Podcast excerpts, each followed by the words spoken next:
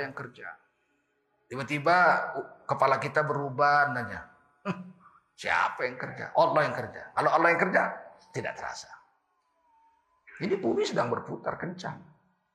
Bagaimana kalau bumi yang berputar 1600 km per jam itu tiba-tiba direm mendadak oleh Allah SWT. Ini masjid tercabut terbang. Betul? Betul? Tapi gak ada dalam hadis dikatakan bumi akan direm mendadak itu tidak ada. Yang ada kata Nabi matahari terbit di timur, tenggelam di barat. Besok tiba-tiba matahari terbit di barat, tenggelam di timur. Artinya apa? Bumi berputar balik. Dari sini ke sana, kecepatan 1600 km per jam, tiba-tiba balik kemari dengan kecepatan 1600 km per jam. Terjadi tumbuhan 3200 km per jam. Gitu. Uh, apa yang terjadi? Quran yang cerita. Watakunul jibalu kal'ihnil manfus. Pada hari itu kamu akan lihat gunung tercabut dan diterbang seperti bulu di tiup angin. Gunung seperti bulu di tiup angin. Apa nggak tobat semua orang waktu itu? Anak yang disusukan ibunya, dibuang ibunya. Dahsyat hari kiamat. Kalau terjadi gempa bumi sekarang, goyang di rumah, seorang ibu yang sedang duduk di halaman akan lari ke dalam rumahnya yang goyang itu. Untuk mengambil anaknya. Anak bayinya diambil. Dia menyambung nyawa untuk menyelamatkan anak bayinya itu. Kata orang gila kau kenapa kamu masuk rumah udah hampir untuk anakku di dalam. Kau bisa tenggelam Terkubur kau, biarlah mati asal anakku selamat. Begitu kasih sayang seorang ibu. Tapi kalau kiamat terjadi, anak yang sedang disusui dibuang. Berapa dahsyatnya itu? Assalamualaikum warahmatullahi wabarakatuh. Kaum muslimin muslimat di mana pun anda berada, Alhamdulillah kita memuji Allah SWT dan bersyukur kepadanya. Saya sekarang sedang berdiri di lokasi pembangunan pesantren putri pesantren Rofiuddin Yayasan Barokah Sumatera Utara. Alhamdulillah kita sudah mulai menggali pondasi untuk membangun gedung bertingkat dua bagi tempat pembelajaran anak-anak putri kita menghafal Al-Quran dan mendalami syariat Islam serta berakhlakul karimah. Wanita adalah tiang negara. Jika baik wanita, baiklah negara. Jika rusak wanita, rusaklah negara. Pesantren ini sebenarnya sudah dua tahun berjalan lebih. Dan wanita, pesantren wanita sudah berjalan tujuh tahun. Tetapi gedungnya masih menyewa. Alhamdulillah sekarang sudah dijual oleh pemiliknya dan kita ambil alih untuk menjadi eh, bangunan milik Yayasan Barokah Sumatera Utara. Akan dibangun permanen bertingkat dua dalam tempo yang sesingkat-singkatnya agar anak-anak kita tidak terganggu dalam melaksanakan belajar dan mengajar Al-Quran di tempat ini. Salurkan bantuan Anda kepada Yayasan Barokah Sumatera Utara untuk menyelesaikan bangunan ini pada nomor rekening 762626277 Bank Syariah Mandiri. Saya ulangi Bank Syariah Mandiri nomor rekening 762 6262777 atas nama Yayasan Barokah Sumatera Utara. Semoga Allah SWT membalasi dengan sebesar-besar pahala dan mengganti dengan seluas-luas rezeki. Saya Tengku Sulkarnain, Ketua Yayasan Barokah Sumatera Utara mengucapkan terima kasih. Wassalamualaikum warahmatullahi wabarakatuh. Ya Allah ya Basir, ya Sami'u ya Alim. يا حي يا قيوم برحمتك أستغفر. قال الله تعالى في كتابه الكريم أعوذ بالله من الشيطان الرجيم. بسم الله الرحمن الرحيم. ونفس وما سواها فألهمها فجورها وتقواها. قد أفلح من زكاها وقد خاب من دساها قال رسول الله صلى الله عليه وسلم من خرج في طلب العلم فهو في سبيل الله حتى يرجع Baginda Rasul bersabda, siapa keluar untuk mendapatkan ilmu, Orang itu adalah orang yang berjihad fisabilillah sampai dia kembali ke tempatnya. Mudah-mudahan kita semua mendapatkan pahala jihad dari Allah SWT. Amin.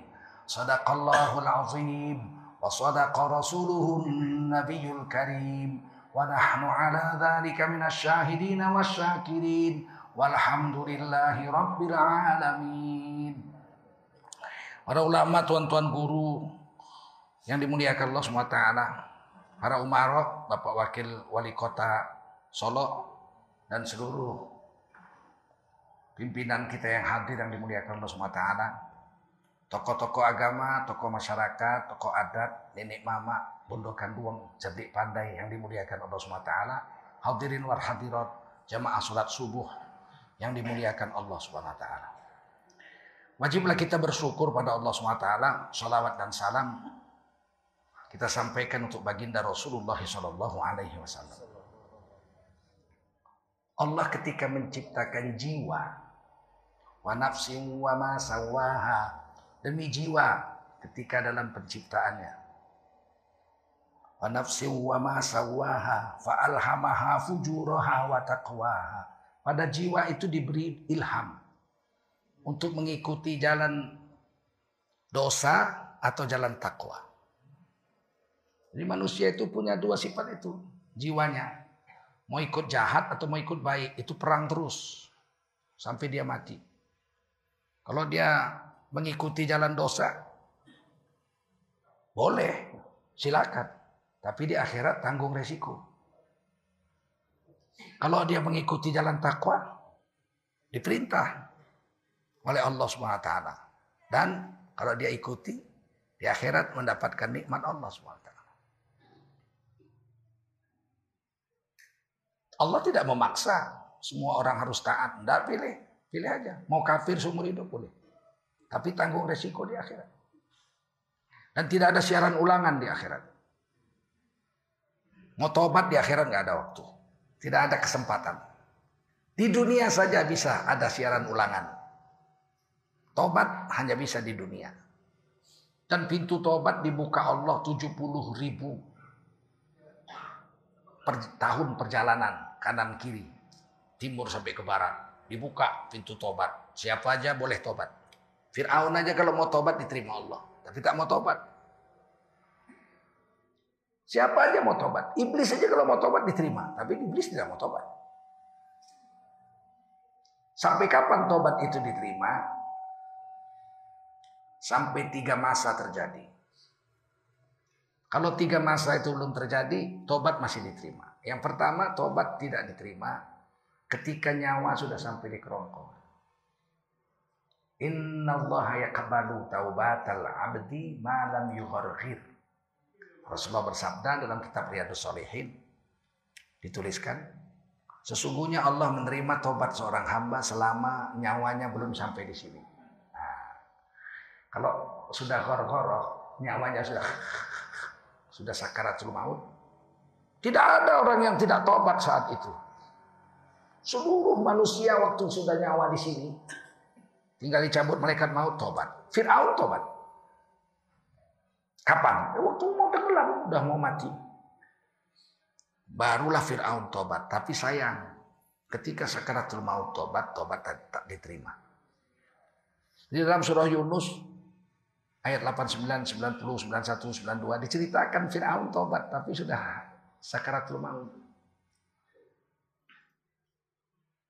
Hatta idza adrakahul gharaq ketika Firaun tenggelam di laut merah hampir mati. Qala amant berkata Firaun, aku telah beriman. Qala amantu annahu la ilaha illalladzi amanat bihi banu Israel.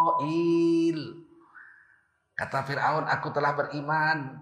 Sesungguhnya tiada Tuhan yang disembah kecuali Tuhannya Bani Israel. Yang ku kejar-kejar mau ku bunuh karena nggak mau nyembah aku jadi Tuhan. Dia ngaku Tuhan. Ana rabbukumul a'la, aku adalah Tuhanmu yang tinggi.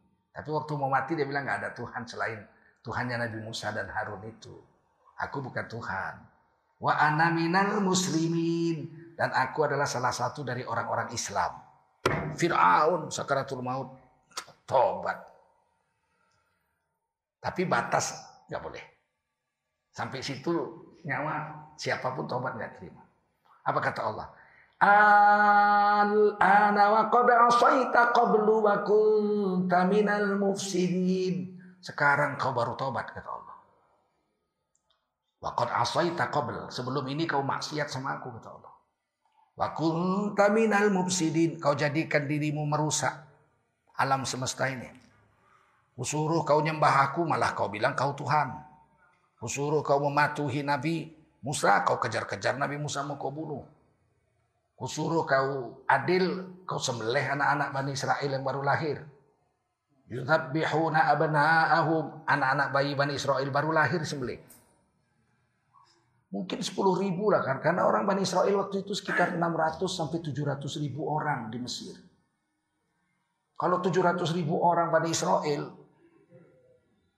Setahun beranak mungkin 10 ribu ada anaknya. Dibunuh semua. Asal laki-laki sembelih.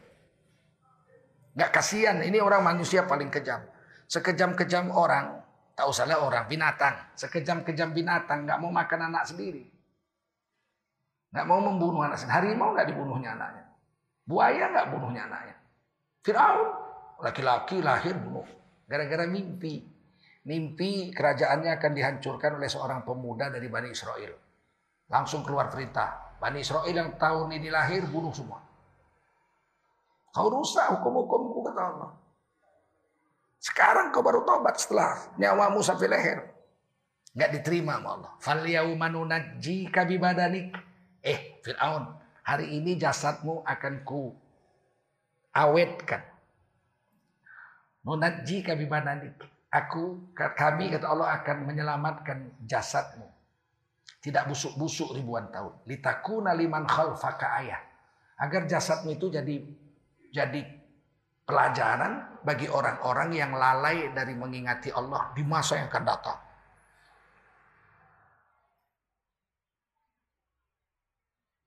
Wa inna minan nasi ayatina laghafilun.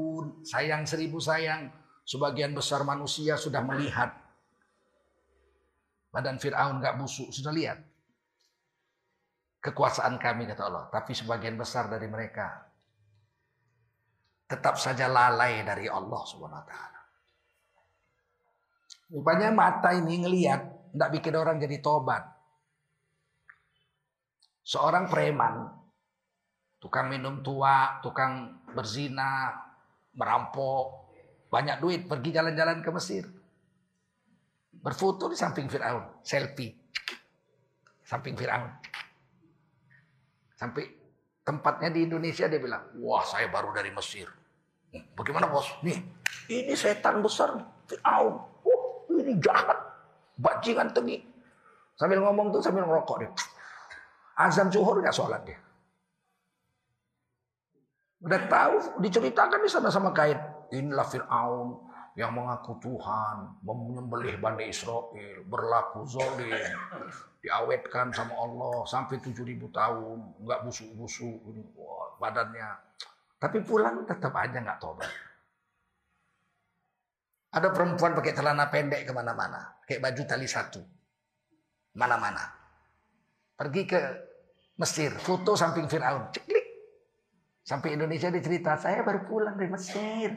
Ini Fir'aun, oh ini bajingan tinggi ini. Tapi dia tetap aja pakai tali satu, pakai rok pendek itu. Nggak ada hidayah, nggak ada petunjuk. Sebagian besar manusia begitu kata Allah. Yang kedua tobat tidak diterima ketika matahari terbit dari barat. Sekarang matahari terbit di timur. Nanti matahari terbit dari barat. Wah ini dahsyat ini. Kalau kita berpikir pakai ilmu sains, dahsyat. Ini bumi bulatnya 40 ribu kilometer. Bulat. Dan berputar. Sekali putar itu 24 jam. Sekali dia putar 24 jam. Berarti kecepatan bumi berputar 40 ribu kilometer dibagi 24. Rata-rata ini kecepatan bumi ini berputar 1600 kilometer per jam. Dua kali kapal terbang nih kecepatan putarnya ini. Kita nggak terasa ya. Berkibar pun nggak jenggot kita. Yang kerja Allah. Kalau Allah yang kerja, nggak terasa orang itu. Kita rasanya baru tamat SD, sekarang jenggot udah putih. Nggak terasa kalau Allah yang kerja itu. Pepaya. Keluar pentilnya segini, hijau kulitnya, gigitlah, pahit. Luka mulut kita kena getahnya itu. Makin besar, makin besar, makin besar, hijau kulitnya. Pahit. Tiba-tiba dalam dua hari berubah kulitnya jadi coklat. Kekuning-kuningan. Ambil, potong, makan. Manis. Siapa meletakkan gula di situ? Dalam dua hari aja. Siapa meletakkan gula di situ? Nggak terasa kalau Allah yang kerja. Tiba-tiba kepala kita berubah nanya. Siapa yang kerja? Allah yang kerja. Kalau Allah yang kerja, tidak terasa. Ini bumi sedang berputar kencang. Bagaimana kalau bumi yang berputar 1600 km per jam itu tiba-tiba direm mendadak oleh Allah SWT. Ini masjid tercabut terbang. Betul? Betul? Tapi gak ada dalam hadis dikatakan bumi akan direm mendadak itu tidak ada. Yang ada kata Nabi matahari terbit di timur, tenggelam di barat. Besok tiba-tiba matahari terbit di barat, tenggelam di timur. Artinya apa? Bumi berputar balik. Dari sini ke sana kecepatan 1600 km per jam, tiba-tiba balik kemari dengan kecepatan 1600 km per jam. Terjadi tumbuhan 3200 km per jam. Gitu. Uh, apa yang terjadi? Quran yang cerita. Watakunul jibalu kal'ihnil manfus. Pada hari itu kamu akan lihat gunung tercabut dan diterbang seperti bulu ditiup angin. Gunung seperti bulu ditiup angin. Apa nggak tobat semua orang waktu itu? Anak yang disusukan ibunya, dibuang ibunya. Dahsyat hari kiamat. Kalau terjadi gempa bumi sekarang, goyang di rumah, huruk, huruk, huruk. Seorang ibu yang sedang duduk di halaman akan lari ke dalam rumahnya yang goyang itu. Untuk mengambil anaknya. Anak bayinya diambil dia menyambung nyawa untuk menyelamatkan anak bayinya itu. Kata orang gila kau kenapa kamu masuk rumah udah hampir untuk anakku di dalam. Kau bisa terkubur kau biarlah mati asal anakku selamat. Begitu kasih sayang seorang ibu. Tapi kalau kiamat terjadi anak yang sedang disusui dibuang. Berapa dahsyatnya itu. Saat itu tidak ada orang yang tidak tobat, semua tobat. Tapi tobat saat itu tidak diterima. Pintu tobat sudah ditutup. Yang ketiga tobat akan tidak akan diterima adalah ketika Al-Quran itu huruf-hurufnya dicabut Allah. Ini hari kita baca di malam nih. Baca Quran nih. Tutup. Sadaqallahul azim. Tutup. Kita taruh di atas meja kita pun tidur. Bangun kita subuh. Habis sholat subuh kita ambil Quran. Gak ada lagi hurufnya. Putih aja kertas tuh. Tidak ada lagi huruf Quran. Dia telepon kawannya. Bang, apa? Abang udah bangun sholat subuh? Udah. Aku baru pulang dari masjid. Coba tengok Quran di masjid, bang. Abang tengok sekarang. Diambilnya Quran di masjid. Tak ada lagi hurufnya. Semua Quran, tak ada lagi huruf. Berarti kiamat sudah akan terjadi. Semua orang tobat saat itu, tapi nggak diterima tobat. Nah, oleh karena itu sebelum tiga hal itu terjadi, kita disuruh taubat oleh Allah SWT. Diterima pasti. Karena Allah punya sifat tawab. Innahu huwa tawabur rahim. Apa itu tawab? At-tawab artinya sang maha penerima tobat. Dari orang yang sama, dengan dosa yang sama, berulang-ulang, berulang-ulang, berulang-ulang, berulang-ulang. Allah nggak bosan. Ada orang yang sama, tobat dari dosa yang sama. Seribu kali tobat dalam setahun. Itu juga dosanya. Kalau kita kan udah jijik kali lihatnya itu. Maaf pak, mencuri dia besok. Maaf pak, mencuri lagi besok. Ah, memang pencuri kau tangkapkan polisi, tiada maaf bagimu.